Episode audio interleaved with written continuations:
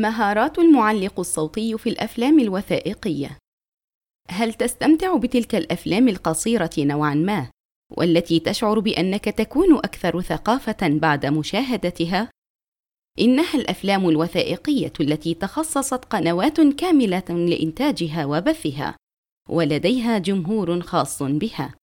واليوم سنتعرف على ماهية الأفلام الوثائقية. ولماذا تحتاج مواصفات معينة في المعلق الصوتي؟ الأفلام الوثائقية هي شكل مميز من الإنتاج السينمائي وهو ليس قصة أو دراما روائية وإنما يقدم تقريرا عن موضوع أو كما وصفه البريطاني جون جريرسون في تعريفه المشهور الفيلم الوثائقي هو المعالجة الخلاقة للواقع ويقصد بالمعالجة الخلاقة للواقع أنه يلزمك أن تكون فنيا مبدعا وخلاقا في تناول القضية. ولتنتج فيلمك الوثائقي الخاص بك يمكنك تسهيل البحث عن المهارات المتعلقة بإنتاج الفيديو لقناة اليوتيوب الخاصة بك أو لنشره في القنوات. ففي منصة Sound Deals من يمكنهم كتابة السيناريو لفيلمك أو لترجمته من مواقع أجنبية أو تدقيق النصوص المترجمة لغويا وإملائيا أو استئجار استوديو خاص لتصوير وإنتاج فيلمك والقيام بتقنيات المونتاج وغيره. كما يمكنك التواصل مع المعلقين الصوتيين للأفلام الخاصة بقناتك على يوتيوب. صفات ومميزات الأفلام الوثائقية. العمل الوثائقي هو عمل فني مثل الرسم والفنون التشكيلية وغيرها. يتطلب حسا كبيرا من المعالجة الفنية الإبداعية يصنف ضمن الأفلام الحقيقية أي أنه non-fiction بخلاف الأفلام الدرامية الروائية narrative التي تصنف على أنها fiction أي أنها مبنية على الخيال أساسا أو على قصص واقعية. ولكن بمعالجة وسياقات مصطنعة يتم عرض الحقائق فيه وفق رؤية المخرج للفيلم وفيما يحقق وصول المعلومات بشكل شيق ممتع ومؤثر في بعض الأحيان.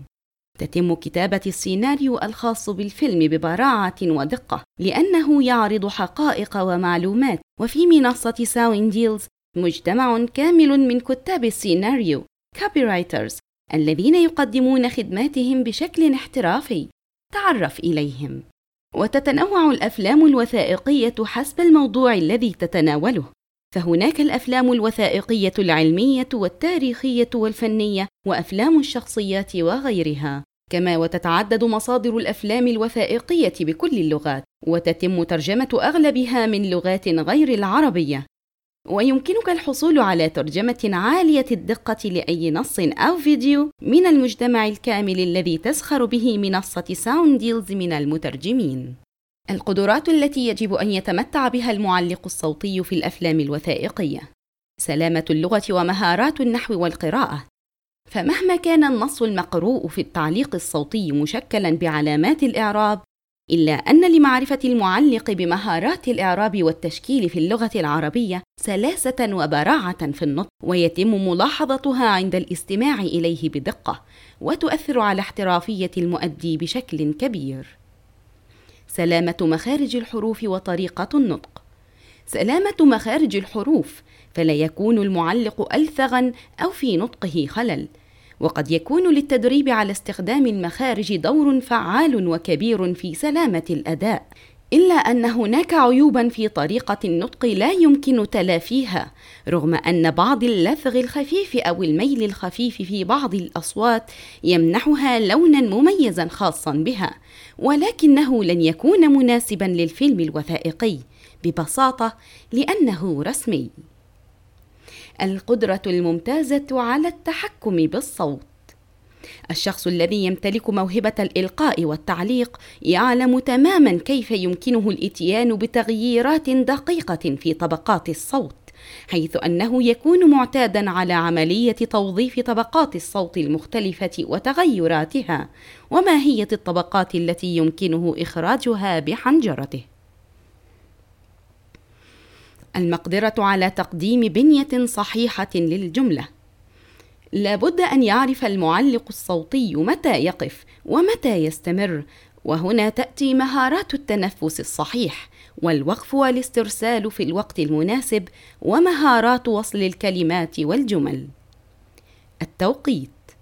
على الرغم من أنه يمكن القيام بتعديلات على عملية التوقيت في استديوهات التسجيل فإنه يتوجب على المؤدي أن يكون قادرا على تحديد اللحظات التي يحتاج فيها للإسراع واللحظات التي يحتاج فيها إلى منح ثوان إضافية.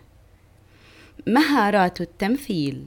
هل لاحظت أن من يملك موهبة الإلقاء والتعليق؟ يشعرك كما لو أنه هو من يقوم بالتمثيل فعلا.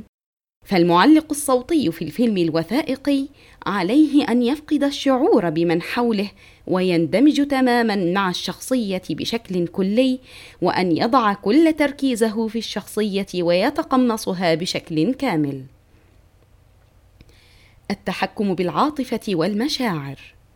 فمهما كانت صعوبة العمل والضغط الكبير أثناء إنتاج الفيلم إلا أن المعلق الصوتي إلا أن المعلق الصوتي عليه ألا يفقد هدوءه وسيطرته على مشاعره لأن هذا التوتر سيبدو واضحا على صوته.